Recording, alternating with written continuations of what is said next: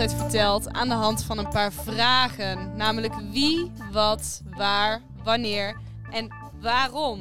Maar de belangrijkste vraag is whisky.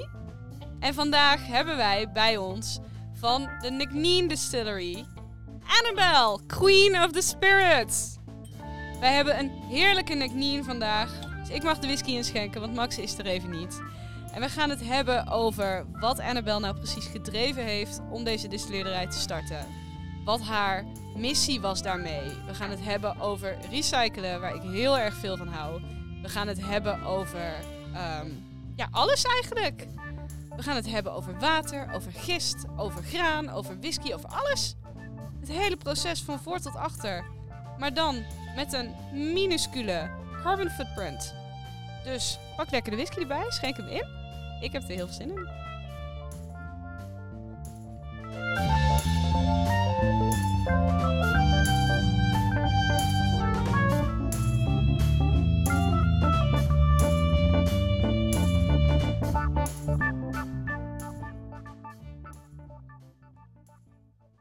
Leuk dat je luistert naar batch 9 van onze podcast alweer. We hebben iets speciaals wat eraan zit te komen. Want binnenkort gaan we van start met de tiende batch. En dat moet natuurlijk gevierd worden. Hey! Dus voor al jouw whisky-liefhebbende vrienden en vriendinnen, nou ja, voor jou vooral. Want jij kunt hen uitnodigen om zich ook te abonneren op onze podcast. Elke zes weken zes buisjes. Doe je dat nou en vermelden ze jouw naam bij het kopje aanbevolen door, dan kun jij daarmee per persoon die zich aanmeldt 10 euro terugkrijgen. Dit geldt alleen voor de tiende badge. Dus hurry, hurry. Meld snel al je vrienden en vriendinnen aan. Zorg dat iedereen zich welkom voelt hier bij onze podcast. Zorg dat iedereen kan meegenieten van deze heerlijke whiskies. Maar voor die van vandaag van Nick Nien zijn ze helaas al te laat. We gaan er nu lekker samen van genieten met Annabelle. Welcome Annabelle. Thank you. So nice to be here with you. It is so good to have you here. So good to see you. How are you doing? Very well, thanks. Yeah. I've been busy, but I'm good. hmm I can imagine in these times. In these So- times, exactly. hmm So you have founded Nc'nean Distillery. Is that correct? Because you had you had a mission. You're a woman on a Uh, mission. I am. Well, I'm a woman on a long mission because I've been working on it since 2013. So I used to be a strategy consultant, nothing to do with making whiskey. Mhm. And I decided in 2013 to leave that job to found Nc'nean on my family's farm with a mission to make Scotch as sustainably as possible, keeping in mind everything to do with the planet as we go, but also making a completely delicious whiskey at the same time and having some fun with the flavours along the way. Very well. And uh, what whiskey is it that we are having today? This is our core expression, as it were. Um, Mhm. So, this is our normal whiskey. We release it in batches. I have a feeling you have batch five. Yes, we do. Um, I don't have batch five, but they are not significantly different between them, or they shouldn't be if our Mhm. blender is doing his job right. so, this is our sort of perfect expression of Nc'nean It's 100% organic, Mhm. it's light and fruity and a bit spicy. It Mm, smells I very nice. love it. Mm. Can you guide us through it, Annabel? What we I can. So this is about three to four years old. Each Mhm. batch is a slightly different age. It is matured in a mixture of STR red wine and ex bourbon barrel. STR uh, stands for shaved, toasted, and recharred. So we take Spanish red wine barrels, we shave the inside off, we toast them, and we rechar them, and that makes very active barrels, and they bring a lot of the spice notes that you get. It's a very modern process, is it? It's quite It new. is, yeah. Yeah. It is new. It was actually so called invented by Dr. Jim Swan, who was our master distiller. Mhm. Uh, until he sadly passed away in 2017. So that is part of the reason that we use STR barrels. So in here, you will find about two thirds STR and about one third bourbon. The underlying spirit is still very evident because it's quite young. So the fruitiness, the cleanness, that all comes from the underlying spirit. The bourbon adds some nice sweetness and vanilla notes. And one thing that a lot of people remark on is that it tastes lovely and kind of oily and rich on the palate. Mhm. And part of that comes from the fact it is organic malted barley that we use. Tell me about it. Well, as I said at the beginning, part of our mission is to create whiskey as sustainably as possible. And whilst there's lots of stuff we do at the distillery to achieve that, I also really wanted to make sure that all of the farmers that we buy barley off, and that is, of course, the main ingredient for mm-hmm. making whiskey, we applied the same principles to the farming end as we did to the distilling end. So we decided to purchase organic barley because of the biodiversity benefits and other benefits it has on the farms where it's grown. But what we didn't necessarily expect, partly because Jim Swan, who I just mentioned, said organic barley would be an expensive waste of time, we didn't expect it to have any impact on the taste. But I think kind of the low yields in the fields in which the barley is grown create a kind of density of flavour in the barley, mm-hmm. and that translates through into the spirit. All right. Which bonus we were not expecting. That's lovely. I'm going to have a try. It smells wonderful. It smells kind of like my mom's herb garden, you know, like yeah. rosemary and, and thyme and all that. I really like it. Annabel Slainte. Slainte it's so good. Mm, that is really good. It's kind of I like the spiciness. I often find uh, whiskey a bit peppery. I think that's I mean the alcohol probably, but I like that it has you know more of an. It's not it's not really pepper. It's it's more of a um, nutmeg maybe or chili or something. Mm, I definitely get the nutmeg. Mm, and it's a very it has yeah, a very soft finish. It does. That is all down to the way we make the spirit mm. in the distillery in the first place, really. Yeah. So you told me a bit about the grains that you use. I read that you buy them from farmers on the east coast. Is that correct? Exactly. We're on the west coast, yeah, but the um, climate... there is not much. Yeah, it's not very conducive to barley mm-hmm. farming on the west coast. It's quite wet, mm-hmm. so almost all of the barley that's grown in Scotland is bar- is grown on the east. So we buy it from there. Mm. We used to source from about ten different barley farmers across Scotland, and mm-hmm. that's what will be in the what we're drinking. But we're actually transitioning just now to source from two or maybe three farmers and distill them individually. So over time, we will see what difference mm-hmm. it makes, which I'm really looking forward to. Oh, that's very exciting. So you told us a bit about how you got started on the distillery back in what did you say, 2013? You started the yeah. idea, and in 2017, it actually started distilling. Uh, but what about you? What gave you the inspiration to do this? What what motivates you as a person, as a whiskey maker? Well, the in, original in the whiskey world. In whiskey, exactly. Yeah. Well, as the original original inspiration, it was a family idea. It's on my family's farm. Mm. It's on the west coast of Scotland. It's very evocative of whiskey, and that's what happens in Scotland, right? There's lots of distilleries around. We look at Tobermory, there's a distillery there, and we sort of had this dream, I think it's what it could be described as, of creating a distillery. And then I took some time off work in 2012 and offered to my family, well, I will do some research, I'll write a business plan. And as part of that process, I went to Islay to do some research. Mm. At the time, Kilchoman was really the only new small distillery around, so I wanted to go and see them. But obviously, there's lots of other distilleries as well. So, I, and as I was going around, I really felt like the what there was a lot of focus on tradition, which is of course the bedrock of the industry, but there weren't enough distilleries talking about what I cared about, things like mm-hmm. sustainability. Mm-hmm. And I just thought I have to do this. This is what I need to do. I need to create a distillery in Scotland that is maybe just a bit more forward looking. So we're focused on sustainability and some more experimental liquids. And yeah, that was where it all started. All right. So you did some of your research uh, about founding a distillery on Islay. What is your view on peated whiskies? Is that is there an influence of that idea in the spiciness of the of the Nc'nean spirit, or no? There's not actually at all. And in fact, personally, I'm not a big fan of peated whiskies. Part of what I want to do with a more kind of forward-looking or modern approach mm-hmm. is bring people into whiskey that maybe don't drink it already. And I think peat can be a bit frightening.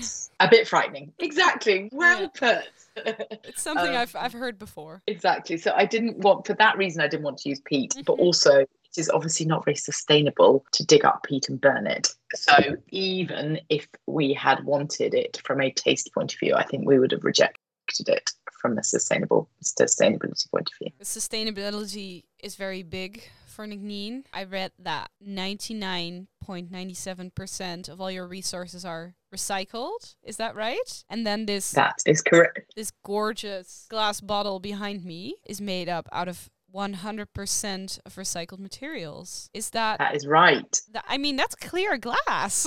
How do you do that? I know. Well, luckily we don't have to do it ourselves because that is not my area of expertise. but we were lucky enough in late 2019, just before we were thinking about launching the whiskey in 2020, mm-hmm. we met this amazing company who had been working on the project to create these bottles mm-hmm. for five years. And yeah, they use 100% post consumer recycled glass. The amazing thing about it is it is not completely clear. So if you put it next to a normal premium spirit mm-hmm. bottle, mm-hmm. it looks either green or blue. And over time, that changes. Some of the batches are greener, some of them are bluer. It just ah. depends what because everything has impurities. Recycled. Exactly, stuff gets Love in. It. It's not perfect. So they called us up of the second lot of bottles they sent and said, "I'm really sorry, they're not quite the same bottle color as the first. And we were like, "We don't care. Part of the you know the joy of it." Yeah. And exactly. And they also have, if you look at them carefully, you can't really see because after we've put the pattern over it, it's less clear. But there are quite a lot of bubbles in them compared to a normal bottle. If there was a single bubble bubble in a normal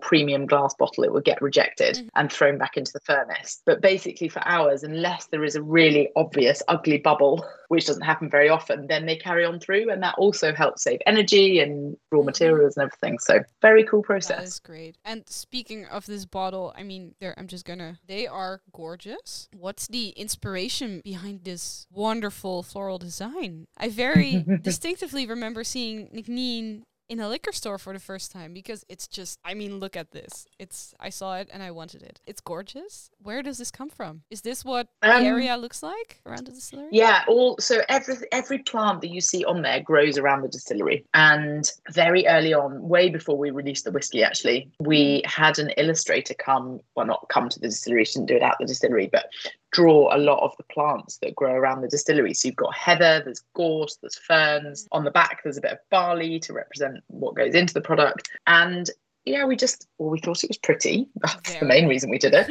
but we also just wanted to use it to represent our kind of commitment to the environment, I suppose. And your first few products were also inspired by the environment, right? By nature. They were. And but the botanical spirit, much more so than the whiskey, I guess, because the botanical spirit is a bit like a gin, but it is based on our unaged whiskey. So we, someone made a comment to me that our unaged whiskey was so delicious, we should bottle it like it was. I thought that was a bit niche, but I had been out with a forager around the distillery mm. around the same time and all these amazing things that grow and taste delicious. So we thought, well, what if we combine those two things? Let's try redistilling our new make with botanicals like you would make a gin and see what happens. Mm. And what we ended up with, we're not allowed to call a gin because it never, part of EU legislation, it never gets to a very high alcohol percentage, but it kind of tastes not dissimilar to a gin, but with this lovely malty flavour underneath that comes from the whiskey. Oh Wonderful. So we hand forage a lot of the botanicals that go into the botanical spirit. That must be very time consuming. That is it is. that is hard work. I mean, how many people work at your distillery? Quite a few, I'd imagine. We have at the moment we have a team of 15. 15. 15. Not all of those are at the distillery. So about I think there's six of us that aren't based at the distillery full time and so the other nine are at the distillery. Not all of them go foraging, but it is a time consuming summer occupation and we try to pull in anyone else around who's willing to help us with it at the time. Okay, I was I was thinking more along the lines of like 150.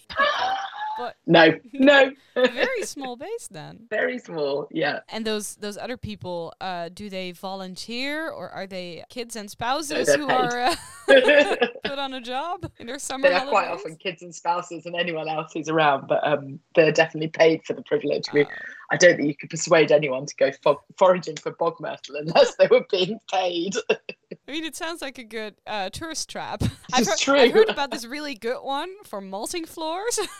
where they get tourists to shovel the grain. So that would be a very good. Uh, hey, so Nc'nean is quite an unusual name. Can you tell me a bit more about that? Yes. Well, it is based on a much longer word, Neachneohain, mm. who is an ancient Gaelic goddess. And we found her story and just thought she so perfectly represented what we stood for that we would borrow her name uh, for the whiskey and the whole distillery. So she was known as a protector of nature. Mm-hmm. So she lived in the forests, she lived with the animals, but she was also known for walking her own path and that kind of perfectly sums up what we're trying to do. But Neachneohain as a word is about 13 letters. It's very hard to spell. So we condensed it down into a slightly simpler, although still slightly difficult word for the actual for the mm. actual distillery. And as I understand it, she was also known as Queen of Spirits. Is that right?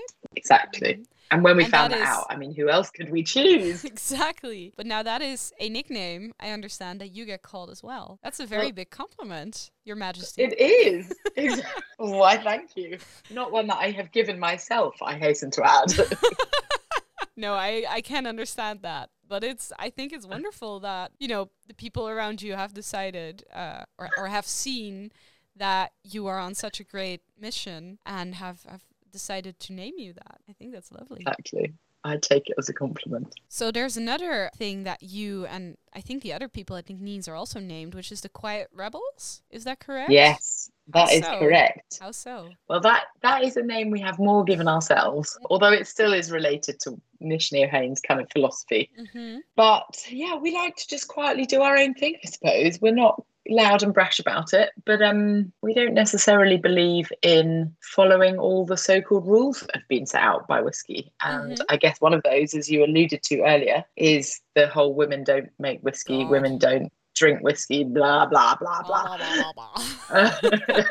We're here to prove the opposite. exactly. So yeah, that's a good example. hmm So, are there many women aboard uh, at Nc'nean's, or is it equally divided, men and women? We have slightly more women than men. That's a win. So exactly, not necessarily intentional, but I Mm. think I benefit as the CEO of attracting more women, and yeah, it's a cool place to be. uh, and you also dedicated a spirit to you and those around you, to Quiet Rebels expression. Is that right? We did indeed, and Mhm. actually, it is not just one. So every autumn we release one of Ah. our seasonal releases, and that series is called the Quiet Rebels. And Mhm. Every year it is named after one of our team, and they get to choose the whiskey that goes into the bottle. Oh, that is lovely. So, they get to, to I pick had- and choose from all of the casks that you have, or Yeah. is there a pre-made blend that a bunch of No, no, no, no, no, no. So get to pick and it's choose um, everything. exactly. Well, we've only had one, and I was privileged enough to be the first picker and chooser. so- Ah. Matt and I went up to the distillery together and we had some Tokai casks in the warehouse, which had had my eye on for quite a long time. So we created a blend around that basically. And what are what are Tokai? Tokai? Am I Tokai? Hun- Tokai. Hungarian sweet wine. That sounds lovely. So delicious. So can It's you- so- Can you tell us more about the recipe? yeah, well, it was allowed? so it was yeah, absolutely. Um, although you're taxing my memory a little bit because it was last that we did it. So there is there was Tokai casks and a lot of bourbon, which I love. I love that kind of vanilla-y sweetness. There was a sherry and there was one STR, I think about 15 casks in total. So it was a very um, it wasn't sickly sweet, Mhm. um, but it was probably on the sweeter end of the spectrum and it was very velvety. Is it still available? Probably not. Probably Ah, not. You're making my mouth water here, and yet I'll have I'll have to do with batch five, which is lovely. It's it gets more and more floral every time I have a sip. It's wonderful. It's it's very well crafted, I must say. Speaking of crafting a whiskey, you have done a lot of research regarding yeast. Is that correct? A lot of That Scotland correct. uses a specific strain of yeast. However, you have refused to do so. Why is that? That's correct. Well, so a lot of the bigger distilleries have over time gravitated towards one or two strains of yeast that were basically specifically dis- developed for malt whiskey distilling that prioritize consistent flavor and high alcohol yields. And that to me sounded a bit boring.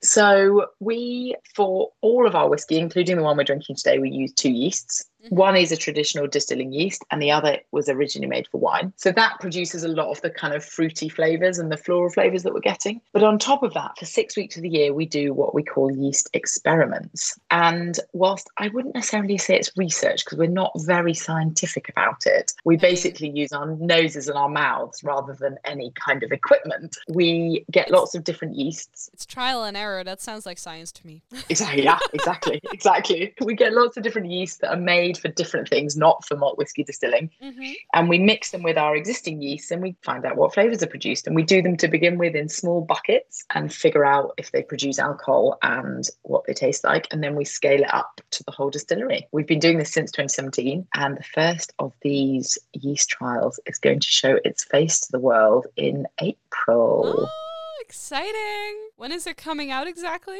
When in April? In the UK, it will launch on the 22nd of April, which is Earth Day. After Easter. exactly when it will launch in the Netherlands. It will be around that time, but it might not be exactly the same day. And what will it be called? It will be called Huntress. Huntress. Huntress, which is a nod to Neachneohain. She was a huntress, but mm. also is meant to signify our kind of search for interesting flavors. Oh, I'm very excited. I wonder what it will taste like. All right, back to your big mission, Nc'nean's big mission. You have been certified as a net zero carbon emissions company by Environmental Strategies Limited. What do you do to achieve that? That's a lot of Yeah. a lot of recycling. It's a lot of brought, recycling.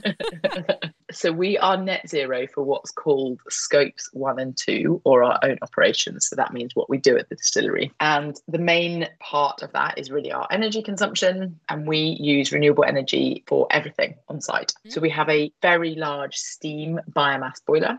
Which Mhm. creates all of the heat for all of our distilling and mashing, and also heats the offices and things like that. Is that That's okay. fueled with with what exactly? Biomass, Wood, wood. So So, we you just have- go into so the we- forest and get all your all your twigs and everything that falls on the ground. No, we actually use whole trees and then replant them. Oh, So okay. it is a long cycle renewable process, but we have to replant everything that we fell. And the Mm-hmm. Re- makes part of the reason we chose it is because we have a commercial forest right next to the distillery. The distillery is in the middle of nowhere. And I always say, with regards to sustainability, each company has to do what makes sense for them. Mhm. There's no point in putting a biomass boiler on Islay where there are no trees.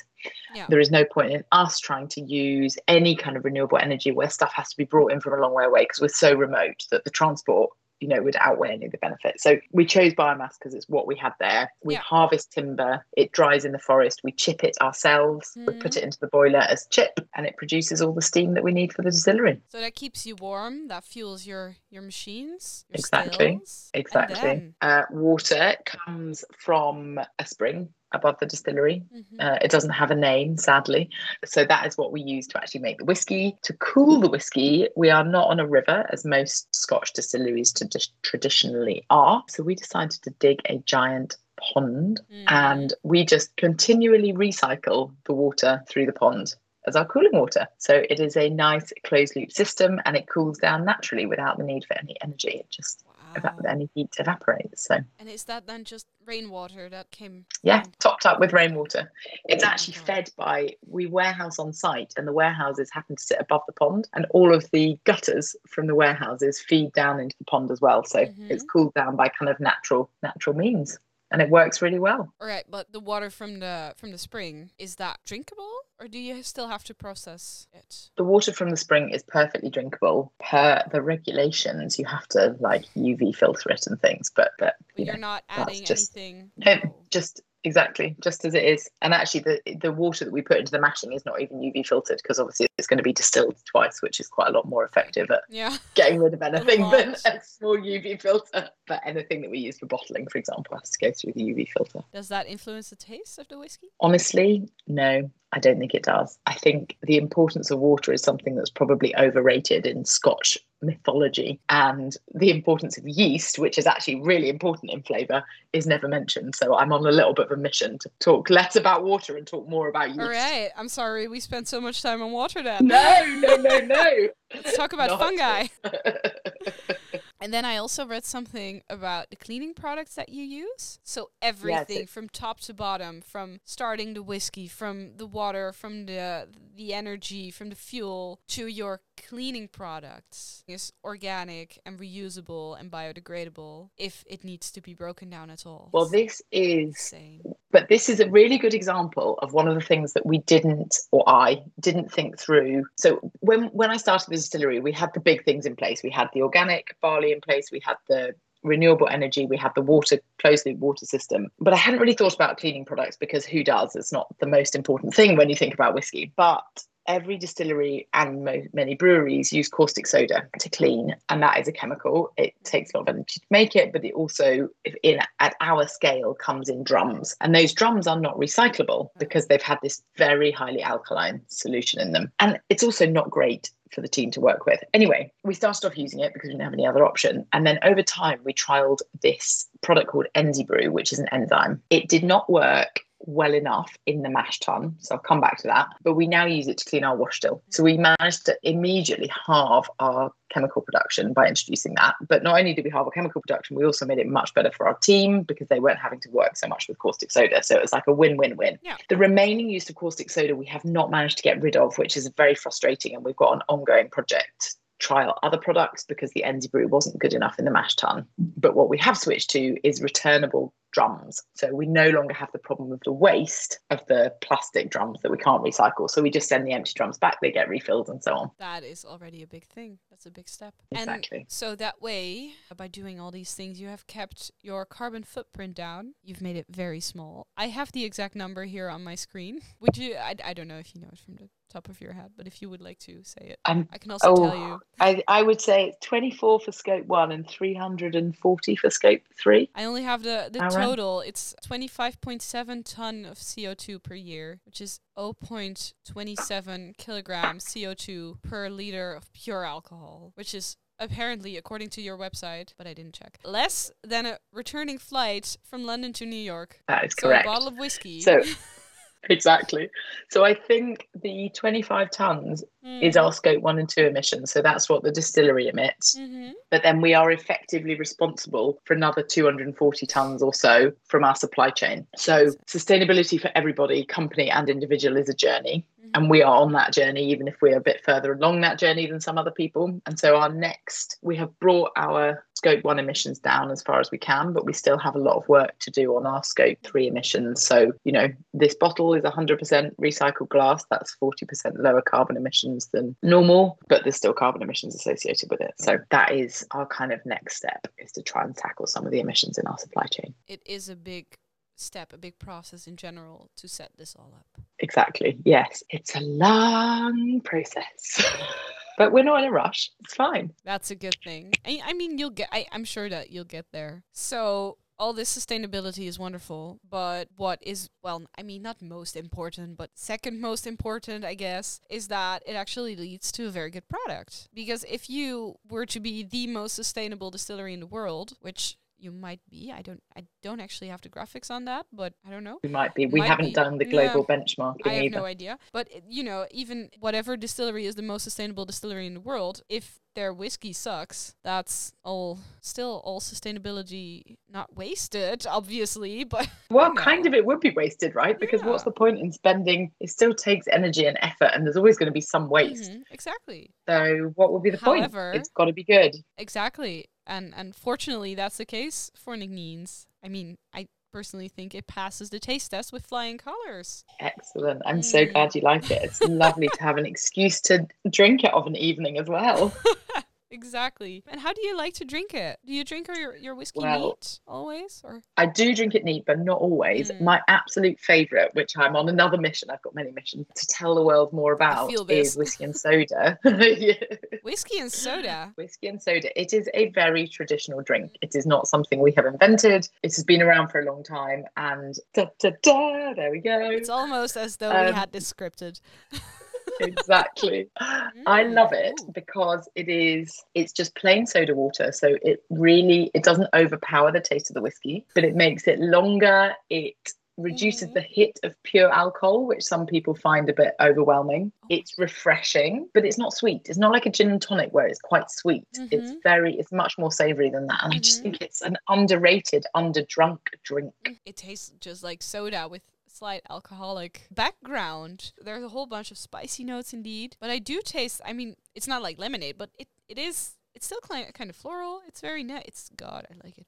And so the ratios are one The ratios are important. Mhm. One whiskey to two soda. one. if you have two one whiskey two soda. If you have more soda than that it kind of drowns Mhm. the whiskey a bit and then it tastes just like weird soda. Um, so you've got to let the whiskey shine through but have it diluted enough that it feels long and refreshing. And you need to add ice. Ideally that- yeah.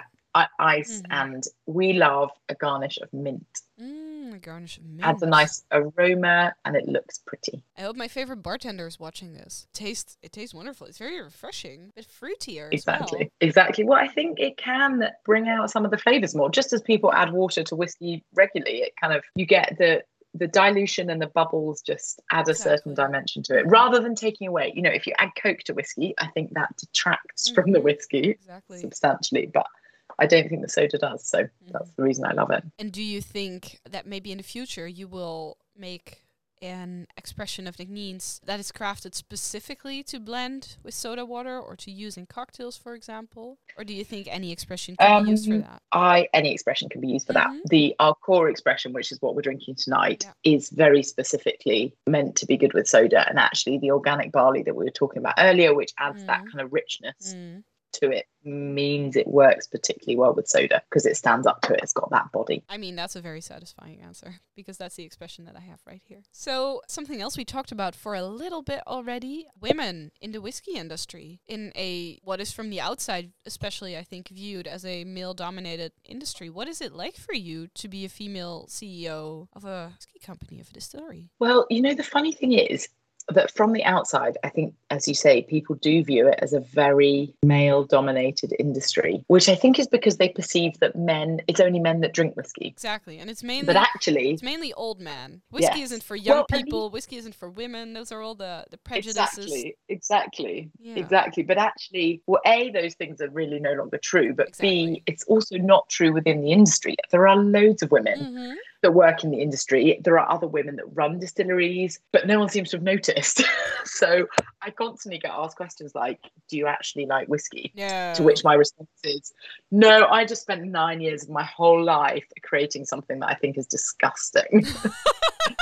I just love the environment Um, so much exactly. that I needed to create done. another distillery to create this perfectly crafted spirit in order to prove that I can. Exactly. God. But within the industry, no one thinks like that. There are I mean, there's tons of. there are lots of there's tons of women in the industry. Everyone is super relaxed. No one bats an eyelid if you're Mhm. female. So it's a very supportive place to be. And I never think about what gender I am. That's good. I mean, it's a Um, question that I do get from a lot of my girlfriends. They're always very surprised when I when I mention that I like whiskey and I can enjoy a good dram. And then usually they say like, "Oh yeah, I knew that. You know that Max enjoys uh whiskey, uh, or I, I knew that he hosts tastings and everything, but I never expected you to like it." But I mean, neither did I a couple of years ago. But you know, it's it grows on you. It does. grows And I you. hope that one day we will be in a position where people don't ask those questions and that.